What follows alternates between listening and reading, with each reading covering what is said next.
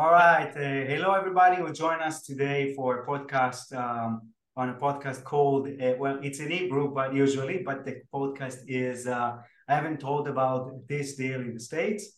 Um, and today we are, you know, we are on an interview with David Hansen, Dave, uh, who is, uh, we are partners, and it's about um, buying a land, develop it, and sell it to a, a national builder mostly. Um, we're gonna tweak the um, we're gonna tweak the niche and, and talk about what's specific in that area.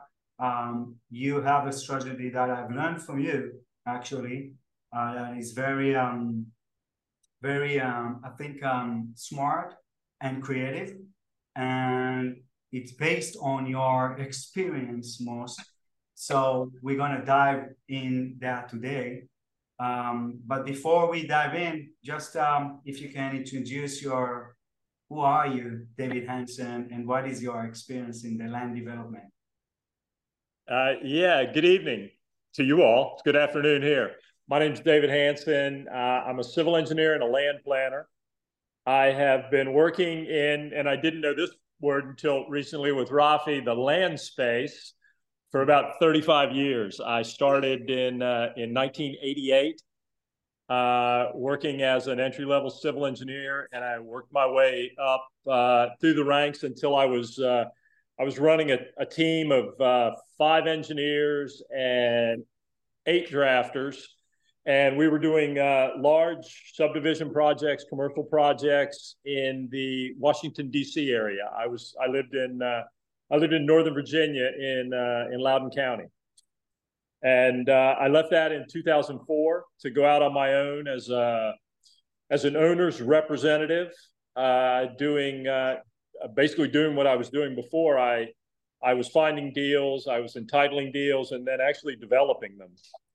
So uh, you know, I've been doing this for 35 plus years now, and uh, Rafi and I partnered together almost a year ago now on a, on a on a project in South Carolina, and and uh, and things are going extremely well. Uh, I hope uh, we hope to settle a few things this year, uh, yeah. if not early next year, and uh, and then parlay that into bigger and, and better things. And to everyone listening, I, I, will tell you all. It, I know most of you are Israelis listening. Uh, myself and this country are behind you all. Thank you, thank you. We appreciate that. Um, and um, I, I wanna I wanna um, ask you a few questions about this uh, niche about entitlement because I'm not sure everybody. You know, we can't assume that everybody knows what is entitlement, and yes. so let's try to simplify it. And what is the so what is entitlement first? Okay. Well, there, there, as you know, Rafi, now there, there are several degrees of entitlement. Uh, the land can come with an underlying entitlement or zoning uh, as it sits today. Uh, it, that zoning could allow you to uh, build, you know, it could be an R1 zoning that allows you one unit per acre. It could be uh, R3 that allows you, uh, a, you know, a, a different number of units per acre there's uh, then there's another form of entitlement, which is rezoning, where you take that same piece of property and uh, and request better, more dense zoning. Uh, from that point, the there are again different levels of entitlement: a preliminary plan, a final site plan, a final plat. Those are all different and individual points in the entitlement uh, graph. Yeah, if we replace the word entitlement, because in Israel, in Hebrew, I don't think there is a word for that. I'm not sure. Okay. Maybe I'm wrong, but entitlement. Probably is, not. Yeah, yeah. Uh, and so it's plans, right? Is um, it's like approved plans, right? There is a plans where there is a depth in plan. For example, this at the, at the first you, it's a, like um, a sketch, a sketch approved, right? Like the first yes. page, like the sketch and the, the how to say initial plan is approved, then you have more in-depth uh, plan. So every time you reach out to a plan that is being approved, it's another stage in the entitlement. right? Just to make- yeah, yeah, yeah. It's the, you know what, Robbie. It's similar to uh, I would say almost any business. Um, yeah. You you have your you have your business plan, then you have your practical operations within your business plan.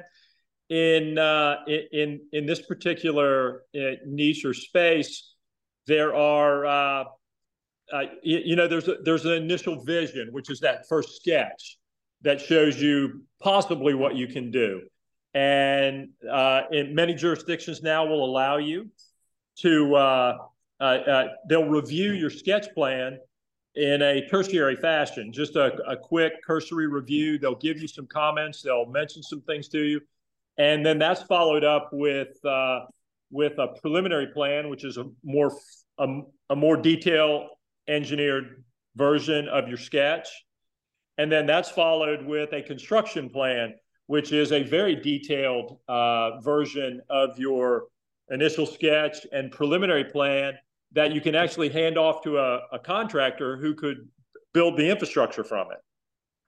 And then the last stage would be your final plat, which is what actually creates the individual lots that homes or a, or a, or a commercial building would be constructed on. Good. So okay, yeah, um, there is a, there is a word for that in Hebrew for sure. Uh, I'm not I'm not uh, I'm not sure it's the same, but anyway, um, so in, in America, when you when you have a land, right, it can be rural, which what is a rural land?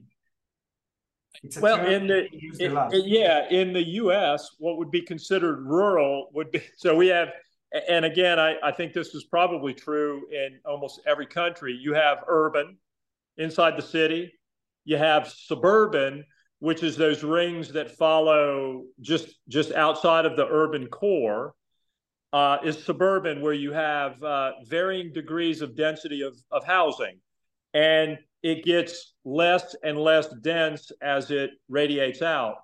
And then outside of the suburban areas, you're going to have your rural areas. Um, they are, uh, you know, generally would have been thought of as uh, as farming communities or uh, or or mountainous or uh, or or uh, or heavily treed, and and as the uh, as the cities grew, then it, the, these rings of of lightly rural would be absorbed first, and and then out into the extremely rural, which you're going to get very open, more open space, uh, far less dense. But that's that's a, that's essentially the way you'll see it around just about any city or town. You see the rings of development as they radiate out. Okay. And when you have a land, let's say it can be zoned agriculture, right? And it can be yes. zoned and, and, and it can be zoned um, residential. And there is a few levels of density for that that can be for that land, can be zoned for different, not a different, but for a specific uh, level of density, right? Uh, yes. You, but very important because I think it's a difference between um, between countries in the world. Usually, when you say rural, it can be agriculture, right? It can be zone agriculture. But yes, but in America, you can have it rural but zone residential with yes. city. Yeah, and one of the one of the big zonings, uh, you know, for the rural is AR, which is agricultural, residential, and then uh, usually nomenclature after that, a one or a two that denote the uh, the allowed density within those uh, within those zoning designations. Yeah, so it can be rural and be high high density zone. No, no, unlikely. Unlikely because unlikely. Outside, yeah, because it's outside of of the city right right outside of the you know where your your, your high density is going to be where public facilities exist yeah. and that's always going to be closer to uh, uh, closer to the cities closer to the suburban areas and now there may be uh, eh, what what happens on in some areas in some jurisdictions is you have two small towns that are close together and they'll they'll slowly grow together and so that band that connects them will be a little more dense than some of the radiating bands out that are much more much more rural and uh, and removed from the the public utilities and services. Those are the things. Remember, you and I looking for things. Going. One of our big things was we want to find it. It's okay to be rural as long as there's reasonable access to, uh, you know, facilities and services. Yeah. You know, yeah. People will willingly drive five miles. Will they willingly drive 10 or 15 miles? Yeah. So they want to see um, uh, commu- uh, they want to see services around it in order yeah. to live there. Um, or you want to find something where you you could develop out in a rural area, build everything, including the services, create your own, almost creating your own small village or town. Yeah. Okay. And when you say services, you're meaning for the audience, is it uh, is it like services like a commercial around it, or you're talking about utilities? No, no, uh, uh, commercial. Commercial. Okay. No, no one wants to, you know, in the states. Well, people will. The the you know, no one really wants to select a place where you have to drive 20 miles to the grocery store, or 20 miles for just personal services, get a haircut, uh, get for the ladies, get their nails done. There's, you know, everyone wants to be in reasonable proximity to that. It's okay to live in a rural setting, but even in that rural setting, they want to be within, you know, within 10 miles of of of things to uh, make their life more uh, uh, comfortable. Okay. Um, so let's talk about the. Um, so I, I will ask something else. So you can you can buy land. The option is you can buy land that has a let's say residential or commercial development potential. Buy the yes. land, right? Um, do the entitlements, which is the plan, right? And push dirt, which is the infrastructure, put the infrastructure, and then build. You can do all the way, right? Yes. Um, but in your opinion, there is um, there's a different niche, right? That you don't have to do all the way. You don't have to, right? Um, buy a land and and you know do all the work on, including building the house. You can. What is the specific niche? There's there there are places to jump off anywhere in there, Rafi. You could uh, you could option the land and in depending on the market and the overall economic market, you could tie up a piece of land under contract, get a preliminary plan approved, and sell that. You could you could exit at that point to maybe even to someone like you and I, who would then do the, the next couple of steps. Um, you can uh, contract the land, do your do all of the preliminary work up till the point where a jurisdiction gives you a land disturbance permit, and you can exit at that point to uh, either another developer or to a self-developing builder. Uh, the the third point would be to take it all the way through that process and uh, and and actually develop the land. Actually, you know, lots. cause yeah, cause the infrastructure to be installed and then sell finished lots to the builders.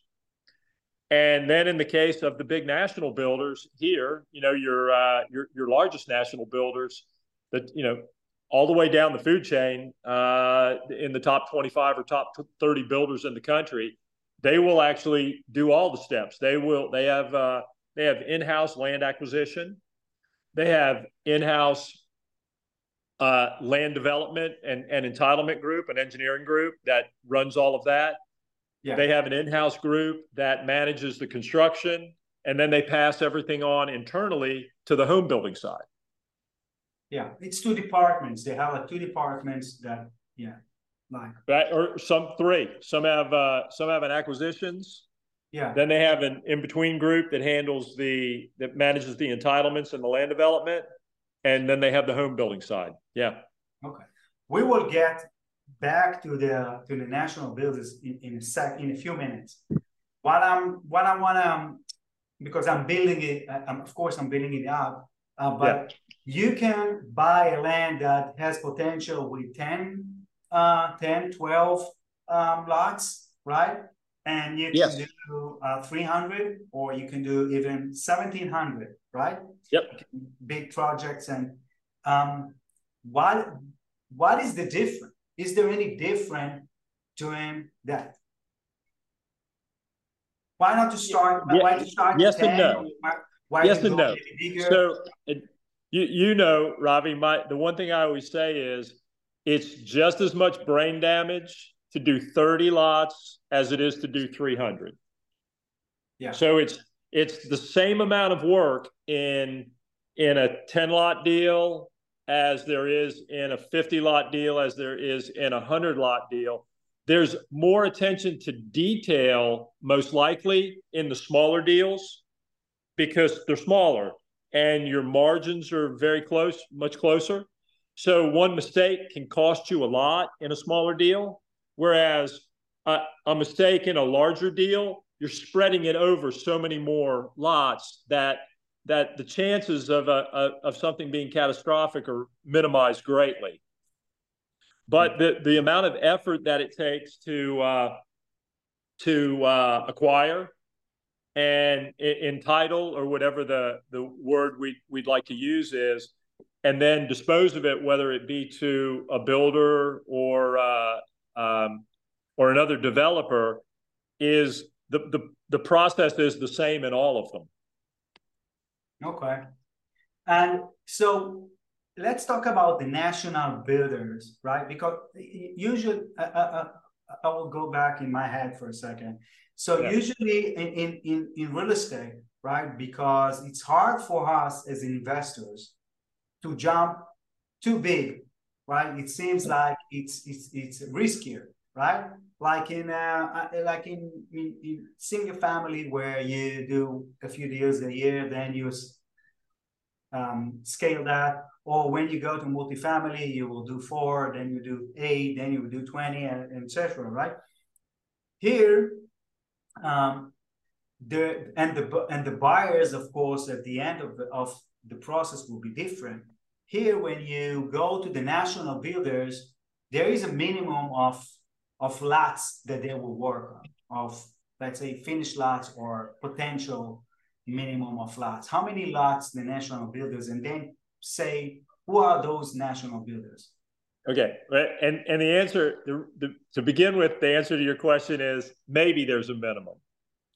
Okay. Uh, imagine this: you you stumble on a piece that can be subdivided into five lots. Mm-hmm. It's got perfect amount of road frontage. It's a very easy division, and uh, D.R. Horton is building a subdivision directly across the street. D.R. Horton is the national, one of the national builders. One, they're the biggest builder in the United States. Yes. They are the number one home builder in the United States. If they are building right across the street or, you know, maybe uh, a thousand feet away, they will buy those five lots from you because they already have all of their infrastructure in place to do it. They probably, if they're doing a bigger uh, project, they probably have a model home. So out of that model home, they can sell those five lots. So in that case, and in that case, they would rather buy those five lots from you than have you sell them to another builder because then another builder is taking away their the potential that they have out of their bigger project. Yeah. So in in that sense, that's why I always tell people, you know, there's there's always an opportunity. Never discount the potential if there's somebody right next door. Yeah. That said, if you were speaking with the builders, their first reaction, the national builders, whether it's uh, D.R. Horton, uh, Pulte, Lennar, uh, Richmond American, those are probably the top four, and I can rattle off uh, additional ones. But if uh, if you're speaking with one of their uh, land acquisition guys, he's going to tell you 50 lots. Okay. Who are those national builders? why why, why it's so why they're all the fame around it? Why why it's so important to know those? Why why I'm asking you about those the the big national because the big nat well to me the big it and when we're looking at a deal or when I'm looking at a deal, the first thing I do is look around that area and see who's who's building and selling. And to give you a great example, I, right now I'm, I'm I'm looking at a project for somebody in uh, uh, just outside Scranton, Pennsylvania. There are no builders. I mean, there's local builders. There's there are no national builders there, and the deal I, have got I found a, a, regional guy who will take down the lots for this for this group, and that's fine. But it wouldn't be a deal that I would do, or that I would recommend you and I do because there there's not enough reason to be there.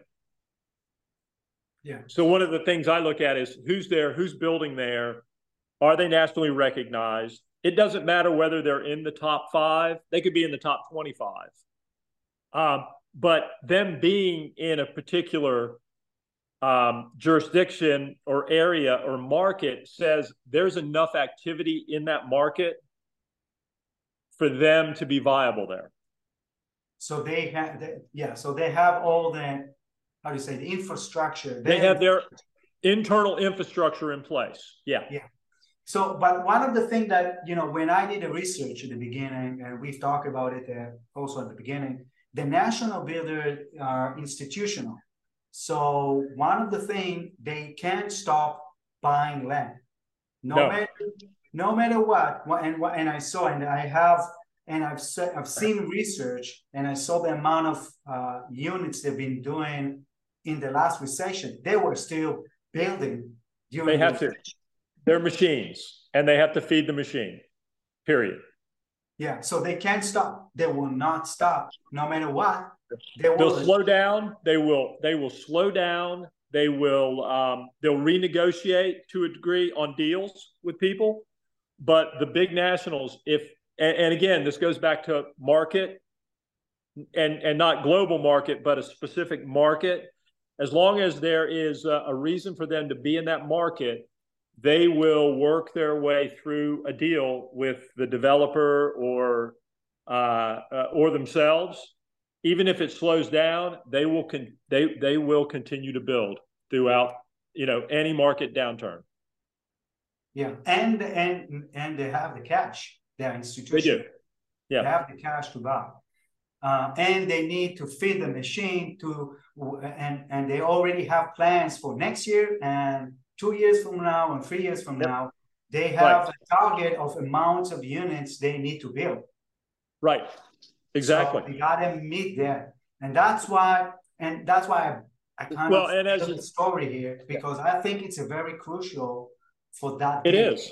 Well, I, and one of the things, one of the things that you found out looking back at the 2008 crash and the and the recessional time that followed is we we went for what happened was the builders kept building, but very few people were going through the process of of um, contracting land, entitling it. So and then in, and by uh, by connection there, creating this uh, this backlog of of permitted lots. And what happened is we got in a, a massive backlog to the point where even through from 2018 to 2022, while the market was raging, we still didn't catch up. We are still probably, what is it, 5 million units behind na- nationwide? Yeah, yeah, there is a demand for five. It's a big number. Five million house new houses in, in this. I don't know if new houses, but just just to keep up with population. Population, yeah. yeah. So when I found I, I found out before I even met you, and I said that's that's really something very um like important because it's a it's a game of of uh, supply and demand. There mm-hmm. is a lot of there is not another supply and there is a lot of demand. And if the national builders keep keep looking to buy right and and, de- and develop and, and build lots, build sorry houses, you we, I said I want to be their supplier. I said, I got to I want to be there uh, because they will keep buying. Um, and one of the things I've seen around with investors, a lot of them, what they do, they buy land and they do the whole the whole process, even though they build by themselves one by one, right? They bring custom home builders and the buy and and the build and build. And I say, why? For me, again, I'm not against it, but for me, I said I don't want to do that because there is somebody who is better than me doing it, right? And he needs more product. He needs more land ready for building. So that's a kind of uh, that's kind of the niche, and we will talk about this niche in a second, how to structure it. But that's one of the things that I saw as a game changer um, uh, in, in, the space. Um, so, what are the things that is important for the national builders? as a buyers? What what are they looking for? The same, this you know, kind of. I'll relate back to the uh, the couple things that we mentioned earlier. That again, that you you and I've been through. They they want to be. They, eh, first off, they want to provide a product that they're that the population wants. So it needs to be in a location that is satisfying that that need.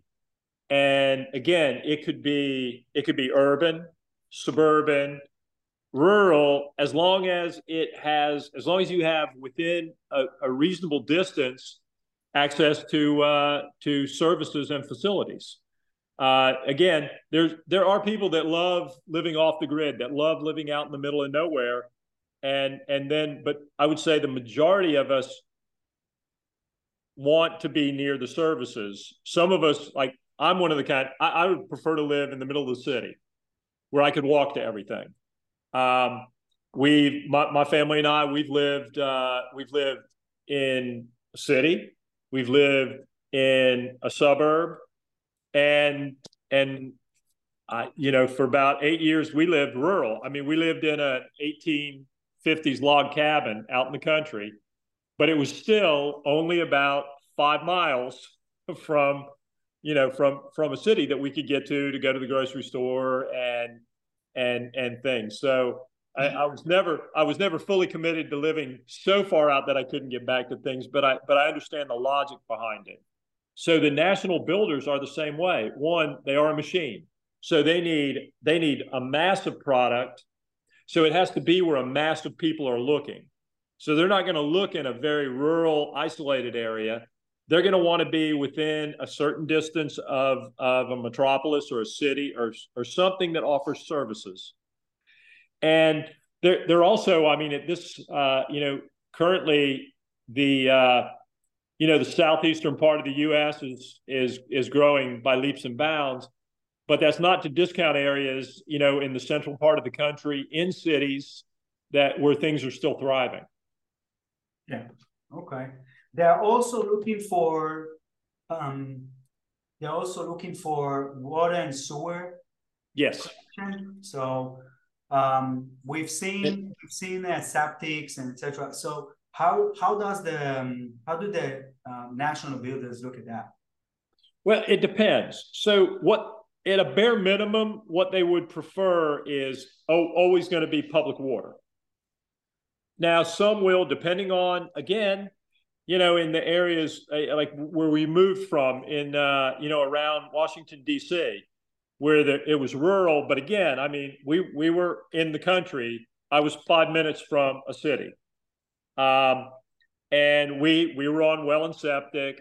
And the builders there, because, you know, there, there is a demand for larger lots with much larger houses, you know, million dollar homes on, on a two or three acre lot and there is enough demand there that the builders will go against their norm. And if you brought them, uh, you know, a 50 to 100 lot subdivision in a rural area like that, close to, uh, you know, again, close to Washington, D.C., they'll do it. And they understand the, uh, the, the, the differences and difficulties that come with uh, well and, and septic, and and and they they accept that. Uh, but their preference off the bat would be a public sewer connection, a water meter out front you know, within uh, within 50 feet of the house, and and build from that. Okay, and um, so if I want to understand if if a national builder will buy a land in the area that I'm looking for, should I call him? Should I? Can I? How do I know that there will be an interest? How do I verify that? Um, well, yeah, you're gonna laugh. I look on Zillow and I see who's building there. It's the easiest. Uh, you know what? You can actually Google new homes. If you Google and go into a re, an area, a jurisdiction, and just Google new homes, the new homes guide, and all the builders will pop up that are building in that in that general area. And from that, you can you can go into their uh, individual websites and select the location and see how close they are, how far they are from a particular property you might be looking at. And you know, it's still no guarantee, but it is the easiest way to discern whether or not they're even in the area or whether or not they, you know, if they're in the area, they will definitely be interested at least to look. Okay. Um, a, a, question, and I, I see and I see all the questions. I see the question on the chat, so we will. I will ignore it for a second, but keep writing the question. Um, so why the builders needs us, right? Why do I need, if, if I find a land, it's for sale, and there is a national builder, they probably looked at it. So how can I have a chance here? I know the answer, right? But I'm asking again. Yeah, well, there's two answers actually. One is the national builders are like anybody else. They they want to because because they're trying to keep their powder dry, so to speak they always negotiate at a lower number. And yeah. and because they're looking at so many opportunities, they're gonna they, they will go through and and cherry pick the ones that are the uh, that are the easiest. Um, this goes back to something else I've said before, uh, Rafi, and you know this as well. All the as far as land, all the easy land or most of the easy land has been developed, not all the good land. Yeah. So they're going to go after the things that on the surface offer the most ease because they don't have time, the time that you and I have or that another uh, you know entity like ours has to dig down in, find find the uh, the nuance, find some sort of niche, find an easier way to get something done. The other thing is they're they're very they're bureaucratic, and they have like like some in our industry they're in a box. You know you hear people talking about what's your buy box? I've had people ask me you know for you and i what's your buy box? Like i don't have a box. I i'll look at anything because i i think unconventionally so I don't want to be I don't want to be pigeonholed into a box, but the builders are and they have to be because if not, then they would go chase too many things that that are unfortuitous. Where you and I can chase those. And and either accept it or or or move on. So th- that's part of it. So even if they're there and even if they've looked at a deal, um, you know, not to talk about one of our deals, but our South Carolina deal, all the builders looked at it, but none of them had the good sense to actually negotiate with the owner the way we did. Yeah. And and they had a number that was so much lower. They they were pitching a number because they didn't see the benefit of it that we saw. You know, I they they looked at it. They had an engineer lay it out, and the guy came up. Most of them had a, like 125 lots on it. We have 200. So the difference between them going after something with 125, you and I going after something with 200 makes the numbers better. Yeah, it's a much more spread and and yeah, um, yeah, um, exactly. Okay, so we can say it's it's that they are not late. I can say they are lazy, but they are looking for the easy one, the one yeah. they can they don't need to negotiate for a few months. They will put a price on it, yes, no, and they move on. Walk and off. So many, and they have they are getting so many calls all day right? Yep. So they they don't you know they they don't need to work hard to find a deal. Deals are coming to them. You just need to cherry pick the one that are easy and ready. Exactly. Exactly. Yeah. This is this is uh, uh, a, guys uh, guys and girls listen to that point that they are looking for easy uh, for easy one because this is kind of the goal. The goal here, the play here is to know what they are looking for, right? To know the box, right?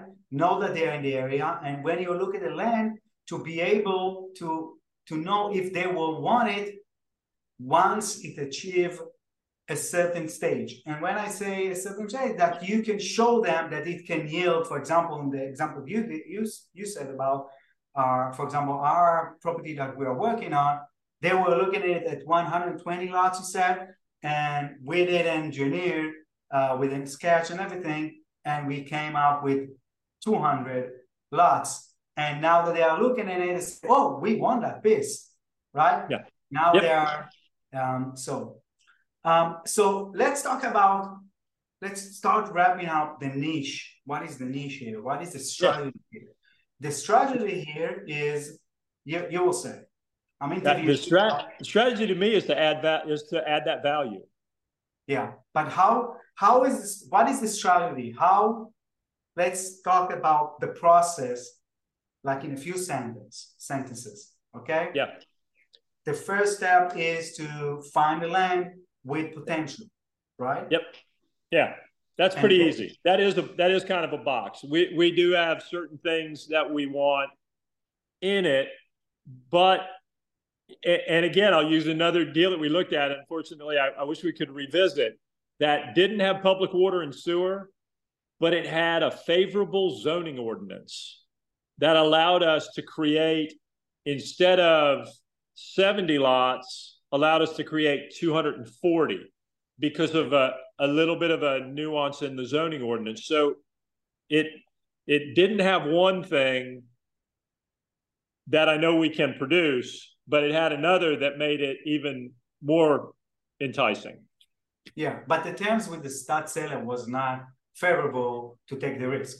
To so, take the risk, exactly. Yeah. Okay, but but let, let's talk about that. Let's say he would agree the terms. What are the what are we what are the terms we are we are trying to achieve when let's say we see an opportunity with enough okay uh, yeah. with, with, an interest. We know that the national builder will w- want to have product in that area. We know yeah. the amount. We read the ordinance, um, which is the rules that say specific. the playbook. It's the playbook. It's the playbook. It's yeah. the playbook. How, how many? And you can once you read it, you know how many. Um, you can guess how many lots you can yield, and it's again match their boxes. And now you want to put it on the contract, and I don't want to say the terms here, with enough time to do a due diligence, right? To do a study period. And in the study period, you check the visibility of the project, right? And you talk with the national builders. That's that's kind of the process in, in a, like in a nutshell. And once you have uh, um, from the national builder an interest, an LOI, right?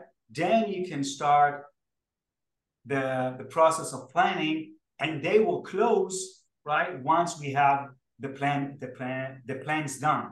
So Approved. this is yeah. not, that's the niche. It's not buy the land, do uh, and, and do the retirement, do all the pushing the dirt, and then find a national builder that will buy it or a custom home or build it.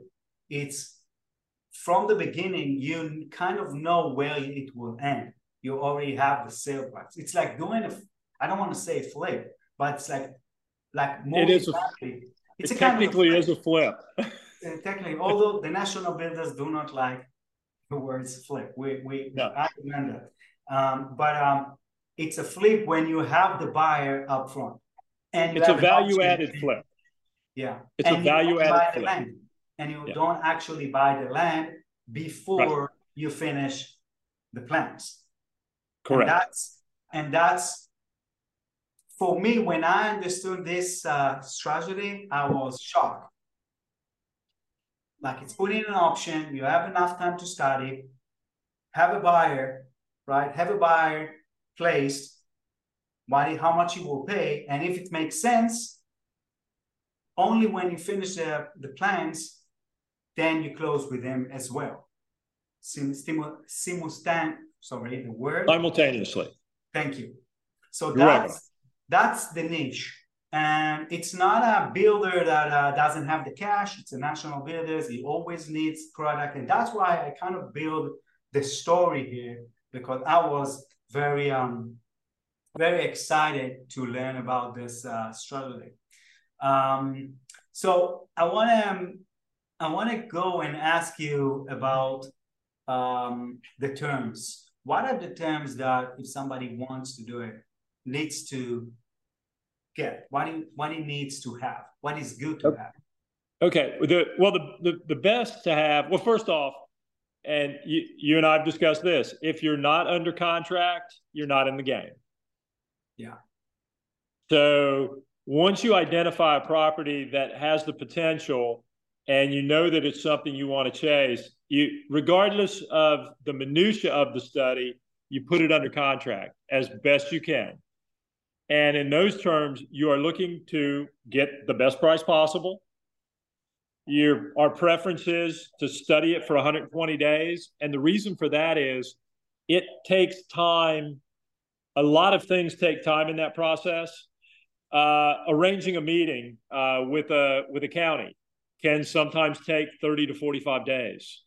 Uh, finding finding an engineer and a surveyor that can uh, that that are willing to do the work can take you know 30 to 45 days um, finding uh, again getting a wetland scientist out getting uh, getting a phase one environmental done all of these things takes a certain amount of time and a bit of capital light capital investment to get you to the point at the end of your study uh, and what it also does is it shows the uh, the national builder that you're courting that you're serious. Um, it, going to the national builder with a piece of property and saying how great it is and how many lots you think you can get on it means nothing.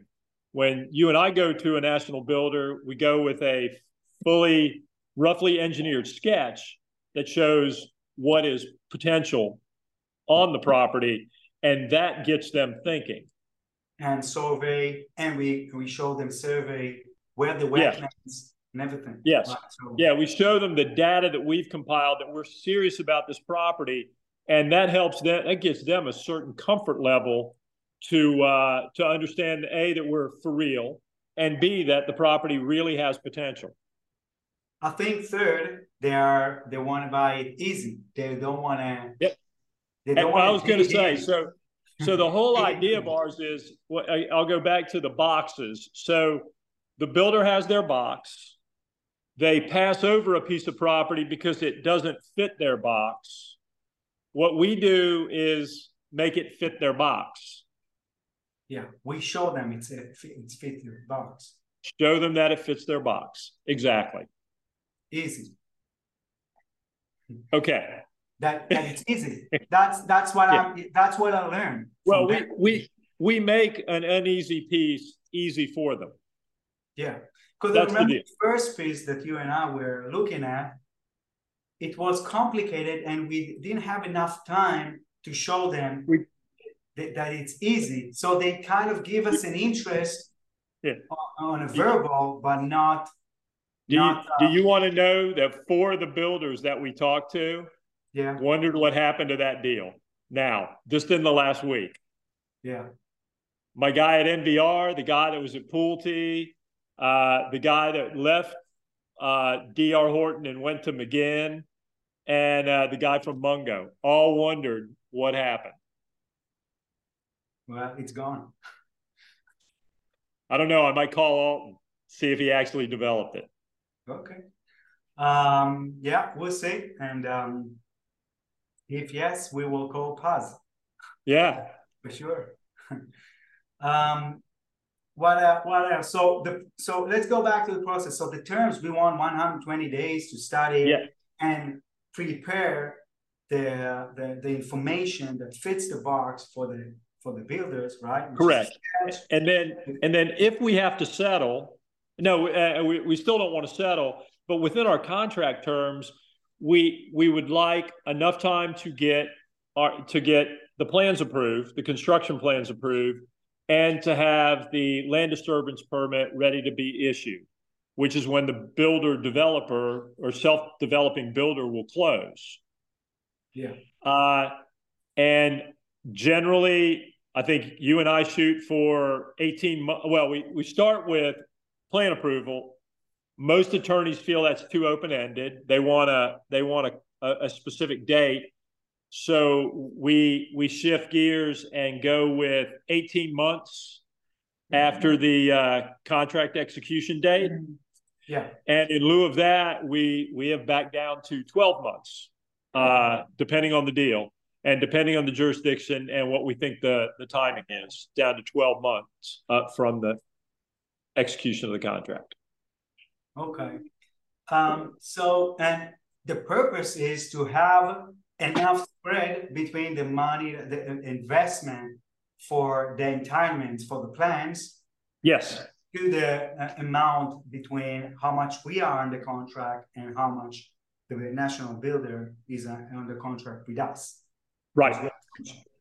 Um, how much? How, how about deposits? How much deposits is it going to be released? Let's um let's tackle that too.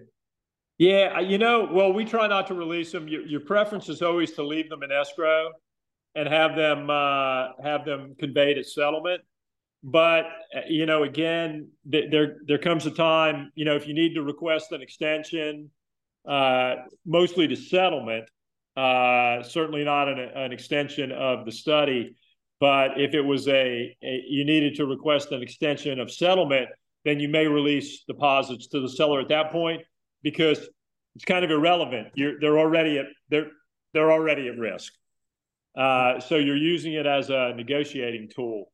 Um, I think you and I, it, it's a it, the deposits. I don't want to say they're irrelevant. Uh, I don't. I don't necessarily use uh, one uh, or two percent of the contract value type uh, uh, lever for that.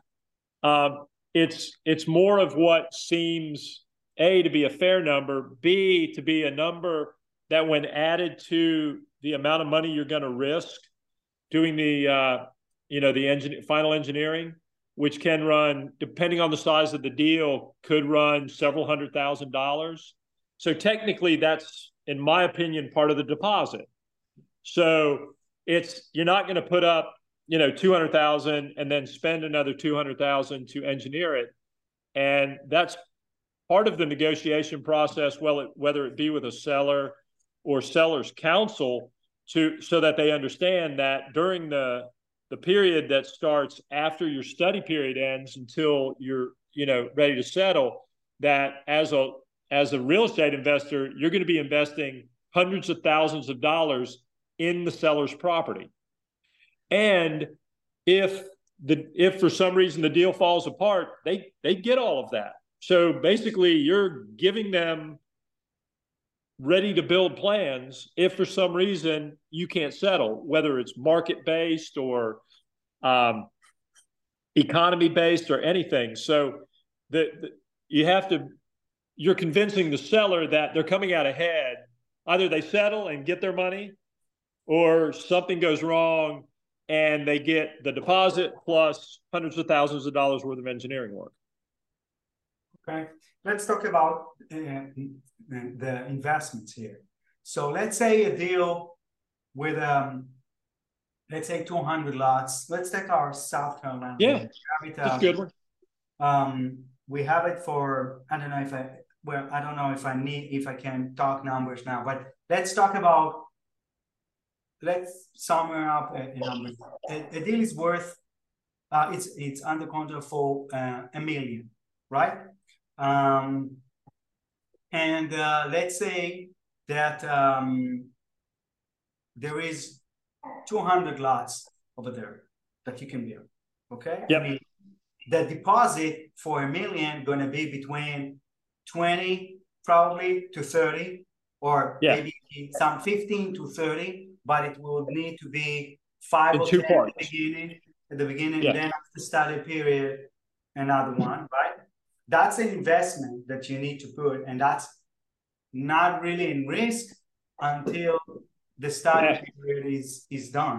But in the study period, what is more important that is risky is that you need to pay for survey and wetland delineation, where you mark where the wetland, um, and that cost.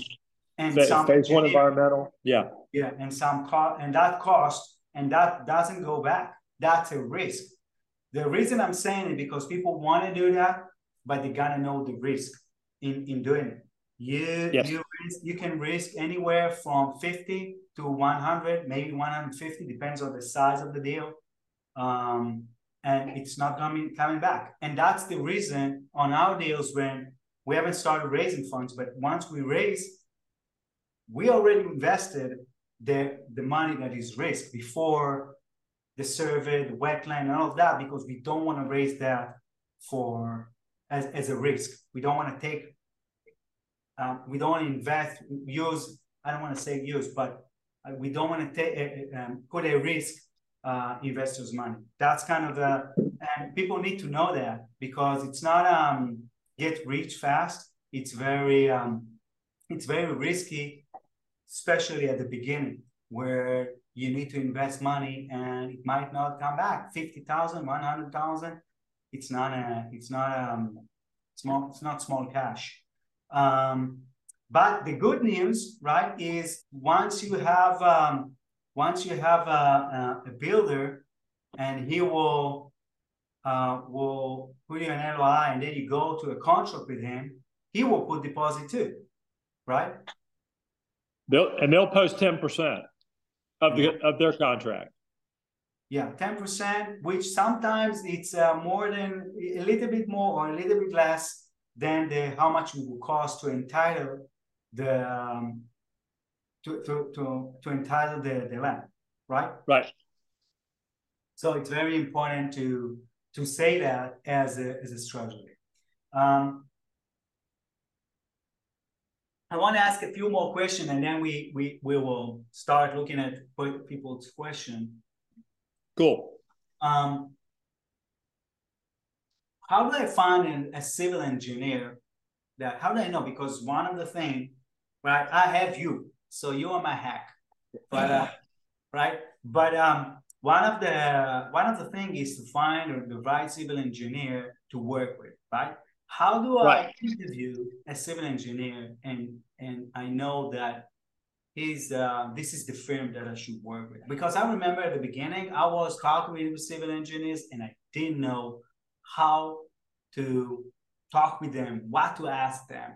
It's kind of a it's a kind of a question. It- It's it is. I'll be honest. It's it is difficult because engineers, especially if you're a novice, engineers are used to talking to. They're they're very uh, most engineers. I'm I'm probably the most unconventional engineer you'll ever meet. I know. Um, most engineers are very they're they're strict disciplinarians. They are they're rigid in their thoughts. They are used to talking to people who are are educated in this arena, know what they want, know how to ask, and they they are they're not humorous folks on on a whole, and they so they they uh, they tend to they tend to uh, I don't look past or look over someone who's not asking the questions in an in an appropriate direction or an appropriate manner. So it, it can be very difficult to find an engineer because if if you can't verbalize exactly what you need them for and exactly what the process you're shooting for is, and or or have any knowledge of what the the underlying costs are, then it's then then they, they can be it can be extremely difficult. But yeah, okay, but you know me, um, no or impossible, it's not an answer. Yeah. I, I didn't say it was no or impossible. I just said it can be difficult. Or so, difficult. I don't care yeah. about difficult. You, so, you got to, I mean, you, you got to keep trying, but you find them, uh, you know, the same way I do for us. I mean, I, I don't know. I don't know civil engineers. This is a big country over here. I don't know if you guys knew that. Uh, yeah. And yeah. And Rafi, you know, we're working in uh, we're working in like four different, four or five different states, and the states, each state is like its own little country. Uh, and and because they all have their own like for engineers they all have their own rules for how you're licensed and and how you conduct yourself. So in in every jurisdiction we're basically trying to find i got to find an engineer that we can work with. Um so we go through it every single time it's the same interview process the the best thing I can advise is, and you're learning because you're on the call with us each time, with me each time. So you you hear me speaking to them, and eventually you'll you'll pick up the the language, the lingo, the the, the nuance that that that will help you through talking with them to establish it. But the bottom line is, it's also about personalities. If you call and the uh, if you call to talk to the engineer, and the the engineer is non-committal or gruff or not interested, then it and and you feel that as a you know you're gauging personality, then it's going to be a hard time working with them. Uh, at the end of the day, when I select an engineer for us, I go with someone that I that I think the personality works because I don't want to run headlong into somebody who doesn't want to do something the way I want it done yeah. Um, so so it is. It's a it, it's a, you know learning experience. It's just it, it takes it takes time, uh, but you can't give up, of course. So, but it, but it's not easy. One of the things that I've I've I've seen is um, is uh, checking the jurisdiction where where you work. Can you you can ask them who are the civil engineers or can find who are the civil engineers that are being submitting um, nope. application? No. Nope. What now, most most you know some of the very rural jurisdictions may, but in the sophisticated ones, it's actually a conflict because if one engineer heard that they got that you got their name from the county in lieu of 10 others then we, we live in a it's I mean it sucks. We live in a very litigious society yeah. here in the states, and the the the engineers would uh, would sue the county if the county was giving out information preferential one one engineer to another over another. So how how do you know who to talk with? You, how do you find you don't. it? You so don't. How do you, you find you, you go on. Find, you basically go online. How do you, you go? You go. Same way I do it. I go online. I Google uh, or or whatever one of the other search engines is. Uh, civil engineers in X jurisdiction or environmental engineers in this jurisdiction. And then I go through them. I open their websites. I look and see what they do, where they, you know, what they've done. I read their uh, I read their mission statement to see if it if it's even anywhere near you know what I what I want to be involved with, and uh, and then I call. And I'll be honest, if I call and I can't get to the uh, the director of an en- of engineering or speak with someone, or it's a or it's a session on the phone where I get grilled by the receptionist, I'll leave my name and I'll and I'll if they call me back, great. But I move on immediately. Okay. So it's it really is just a uh, it, you you you start and you continue to pursue until you find someone whose personality meshes with yours. Okay. You know, if you're a novice, it may be an engineer like me. If a novice called and and they want to help you, they understand that. Um, there, there again, it's it's personalities. It's like anything else. There are people who who are problem solvers, and there are people who are problem finders. Yeah. So you, on the phone, you you want to find the problem solver. You want to find the person who's speaking with you knows that you're a novice, maybe knows that you don't know everything you should, and who will help you through it. That's how you and I met.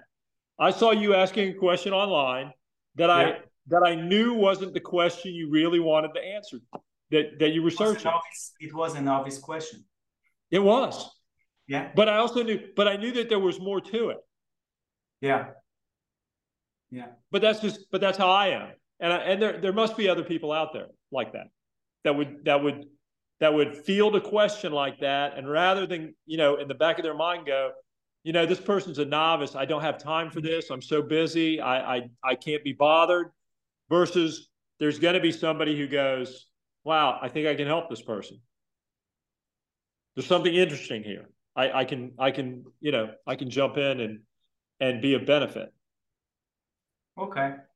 Next question is uh, how do I find um, the national builders? How do I find who to talk with the national builders? The national builders are fun. So the national builders are, you know, honestly, it's the same way in, in a fashion. As long as you ask the right question when you call.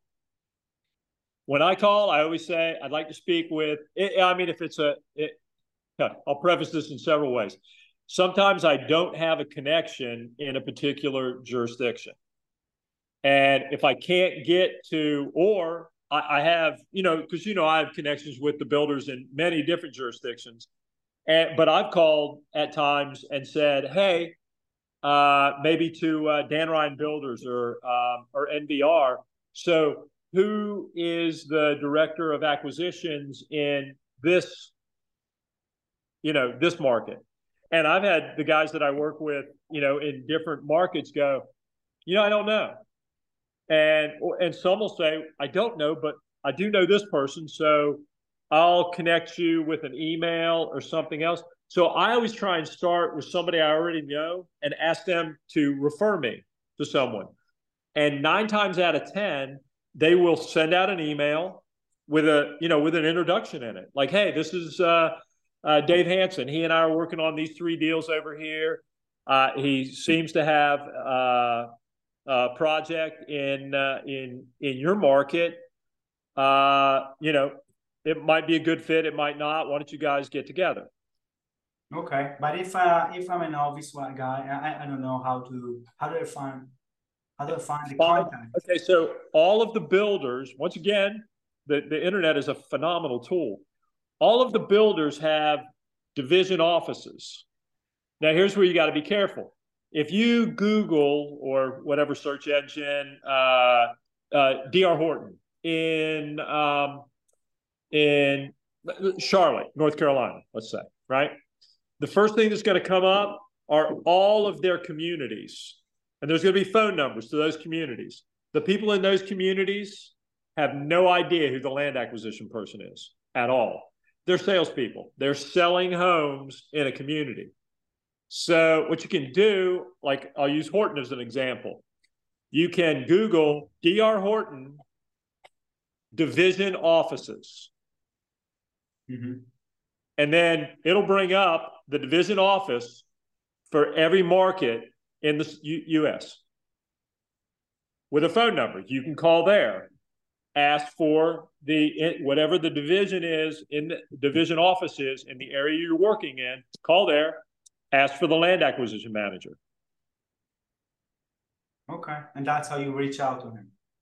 Uh, that's one way that I've reached out. Yeah, you know, in in you chasing smaller nationals where I don't have contacts, yeah, I'll find a division headquarters office and call there. Because again, if you if you call the community offices where they're building, th- those folks aren't going to know anything. But if you call a division headquarters, the secretary there is going to know who the land acquisition manager is for whatever you know, whatever, and and they could be, um, you know, fractured down from a divi- big division headquarters into into smaller satellites uh, guys that handle different uh, different areas of that market. Okay. Um, I want to I want to see the question that people ask um, about, and you can start writing a question. I think the the um, I think it's um, how do you say it makes sense the process. I think we went through most of the process um, and how to start um, looking for that. I wanna I wanna see some question people had at the beginning that I kind of uh, ignored for a second. Um, what are what considered to be a considerable distance between houses to facilities like shops?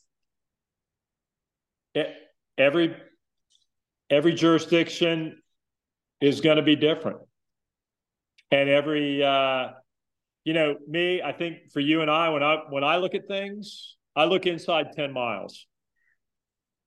Okay. I don't know that I would go uh, radiate out any further than 10 miles. Um, it just seems that just seems like a good number.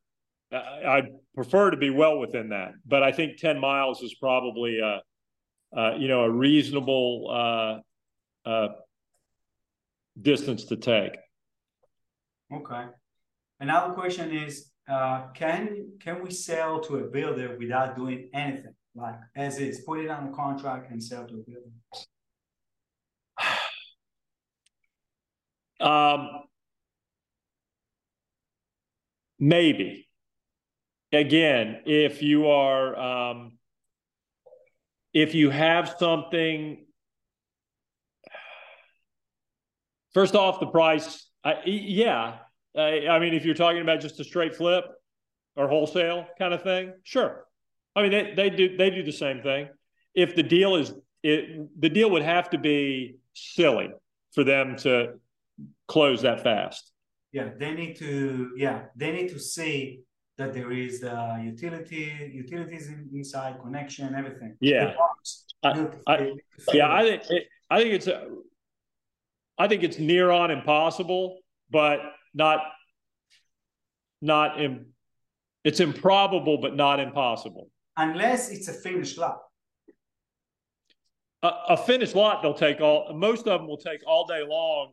If if it's uh, if you had 15 finished lots, they'll take that. If you had uh, if if you have something adjacent to an existing subdivision, yeah, I do know. Uh, I worked on a deal in Virginia with uh, with Horton, and for finished lots, even though they were, weren't doing anything real close by, uh, they can close in 30 days on finished lots.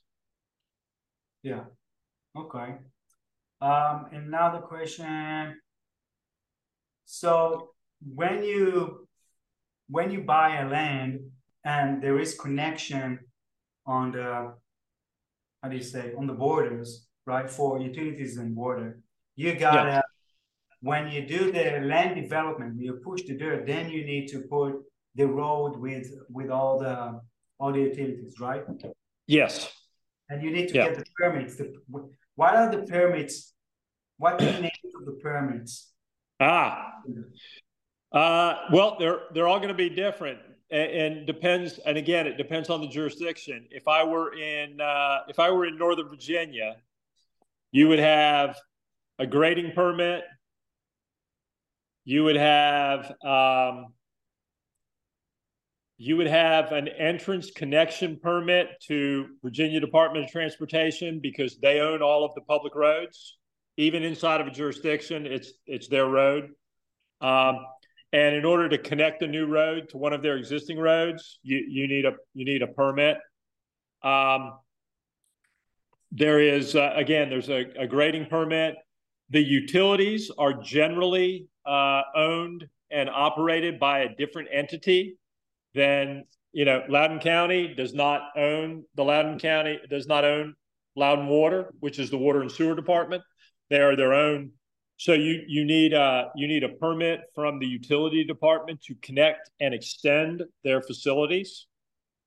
Yeah. Um, you need a grading permit. And then you have an array of inspections that take place that allow you to proceed to different uh, different phases of the of the development itself, uh, from grading to the installation of utilities Sorry to, to, to finishes. Yeah. Is that in the construction plan? Yes. Okay. Yeah. That's, uh, okay. Um, Okay, uh, there is a, quite a long question here, but uh, I will try to um, summarize it.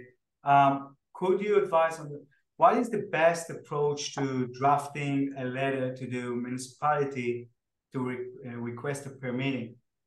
How how does it work? Oh, uh, you you it doesn't work that way actually. Mm-hmm. Um, the the uh, the process of um, again the process starts with either a a, a preliminary plan or some other type of uh, of uh, document. you know, in some again, I'll, I'll, use. Well, we're doing it right now, and so I can give you the the, the several differences. So in uh, in Virginia, in Loudoun County, they have a pre-application conference, is what they call it, and you request that. Uh, there's an, an online application. You fill it out. You submit your your plan with the online application, and then they set up a meeting date, and you go in and you sit down with uh, the various referral agencies that are part of the the county or the state government. So you'll have the Department of Natural Resources, Transportation, Planning and Zoning, You'll have the state uh, Department of Transportation there, and they'll look at your plan at, while you're in the room, and they'll and they'll make comments and offer suggestions about your plan.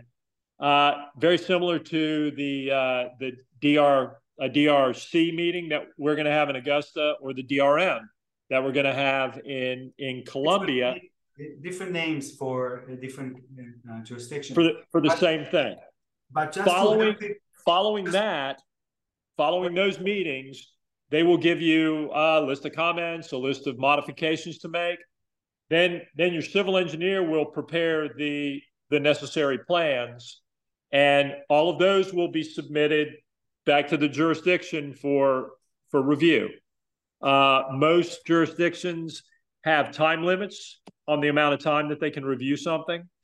It, it can be 30 days, 60 days, 90 days.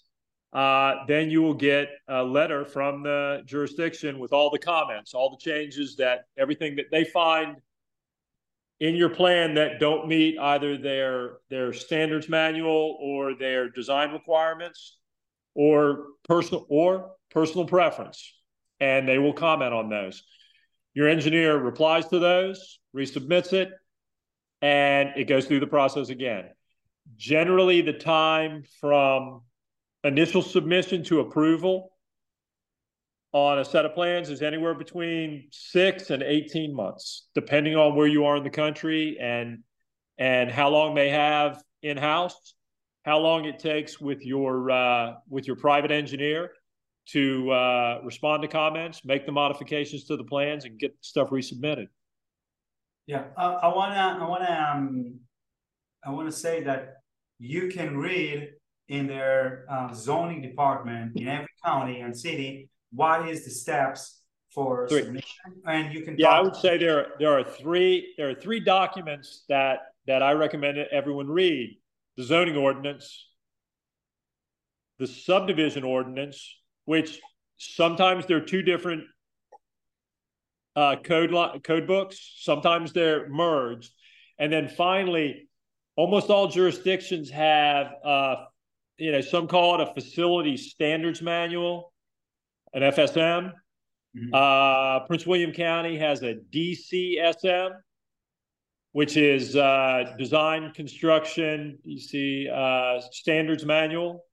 And what that contains is what a plan set has to have to be, it has checklists, what has to have to be acceptable. What are the minimum standards that your engineer is going to have to apply to the stand and and again whether you understand it or not it's it's good to read it. So you you, you have a, a even a brief understanding of what's in there. So you'll know because all of it takes time. Yeah. That's okay. Next question. What are the dd you do when you put a land under contract? What do you do in the in the study period? Let's say it's in a, in a, in a sentence. So it's um, we need to check the um, wetland topography, of course, if needed. Um, Wetland, floodplain, topography, uh, environmental, any other environmental uh, restrictions or impacts. uh, zoning, uh, nuances in the zoning ordinance that may allow for a, an increase in density, um, desirability from any number of factors, whether it be a desirable location for the builders, uh, it may be a, a, you know a desirable location for uh, um, commercial, depending on you know the the type of road frontage you have, and uh, and then last but certainly not least is uh, does the does the price make sense? Yeah, and that's when you when that that you know when you get uh, an offers from not an offers from national builders. You want to get yeah. here, so you can see that there is interest and also what the price range they are looking um, to get. Um, and uh, another question because I, I, it it, uh, it keep I see this question although we talked about it. So the way we do it um, it's about the, the question is about the process. The process is putting uh, uh, the land under contract. It's an option to buy it with a 120 days study period, where in the study period we just said what we are doing, what we are checking, and also lining up, let's say, getting offers from, we want to get an offers from the um, the builders, the national builders, and only when and then start uh, and start doing uh, all the plans and close only when that's preferable, only when we have the final plan approvals, and then the builder will close also having the final plan approvals. And one more thing to say that we didn't say, they will pay per lot. They will, we pay per, we we pay the, the seller, we have a one price, but the national builders will give us give us an offer per lot meaning once we achieve the final plan, um, we will have amount of, of lots and they will pay per, per lot. Meaning if we schedule 200 lots and eventually we have 190, they will pay an amount for say, let's say 15,000 per, per lot. Um, it's very important. That's why you need to have enough spread. And we already dropped like two or three deals like that, that the spread yeah. was not too uh, was too um, too short. That if the amount of lots will go down too much or something, they it will will be too uh, too low. Uh, right. Um, so the question is why the national builder will not buy it directly from the seller. We said that because they want it easy. They need to see that they need to see the survey. They need to see the wetland. They want to see the sketch. They want to see something that you have done already, uh, or the price should be very, very low. That's right. kind of uh, for that. I have a more question in the QA. Um, how do you find the ordinance? So just type, very easy, type the jurisdiction, um, zoning ordinance, and you will find it. Um, Sometimes, sometimes you actually have to call the zoning department and ask for a, ask them to send you a PDF of their ordinance. Yeah, yeah. Um, okay, let's see. Okay, that's a different um, question. He, if I have a house that sits on seven acre and I wanna um, split it uh, on split the property to sell each one of them separately, right? It's to submit, um, so it's like a subdividing. It's a, how do you call it? Like min, minimum, minimal subdividing, something like that. There's, there's a name for that. Um, so minor, minor, minor subdivision. Thank you. So minor subdivision. Um, what who who does he need to approach to in order to do that? It, you know what? Well, it depends. If uh, in in most jurisdictions, minor subdivisions can be done by a surveyor. That's it.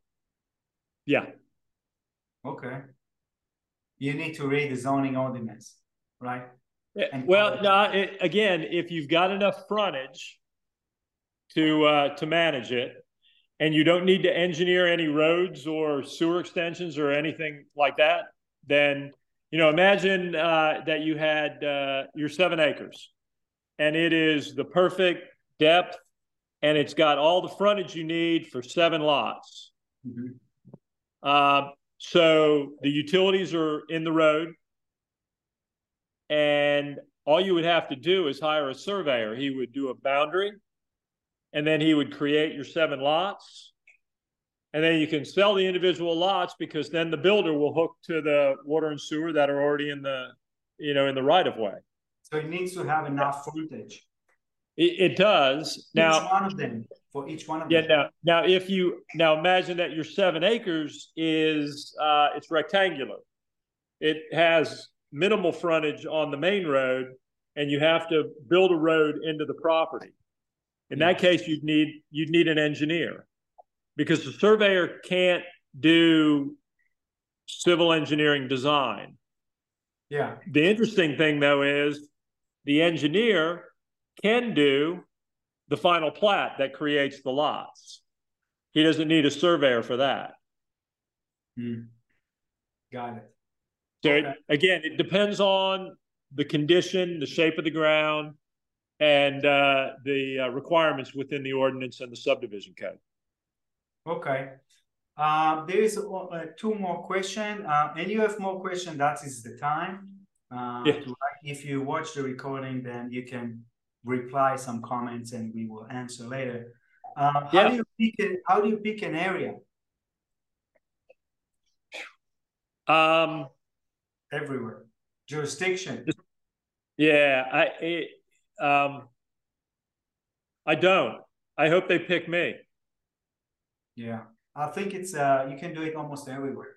You can. It, it does everywhere there, there is enough demand for new houses that you can almost do it everywhere. You just need to see. For my opinion, just check that there is enough national builders that are building in the area, and that's it. Yes, exactly. Like I said, I gave you the example. Scranton, Pennsylvania is a big city but there are no national builders building anywhere, not in Scranton or anywhere near it. Yeah. It's, you know, I mean, it's an old steel town that, that, you know, hasn't figured out how to regentrify itself. So they're, they're, they're not there because there was no, uh, they didn't see enough growth. So, I mean, if you're looking in the States right now, Southeast, Texas, yeah, the South overall, you know, people here are, are trying to get away from the cold weather and and uh, gravitating to the you know sunshine. Yeah but we all we looked at colorado which is not south. yeah. Uh, yeah but colorado is an interesting uh, is interesting in the sense that it is it, it is essentially halfway across the us and you have the continental divide. So you know it's it's an interesting uh, it's an interesting split point in in the us as a whole Okay. Yeah. Um, let's see. Last question. Uh, will you sell to directly to um, investors that want to build by themselves, that want to do a custom? I think it will be too small. Yeah, I'll sell to anybody who wants to pay what we're asking. Yeah, well, usually it's uh, it's not going to be it's going to be national because eh, and if it's yeah if it's uh, an investor, it's probably too small.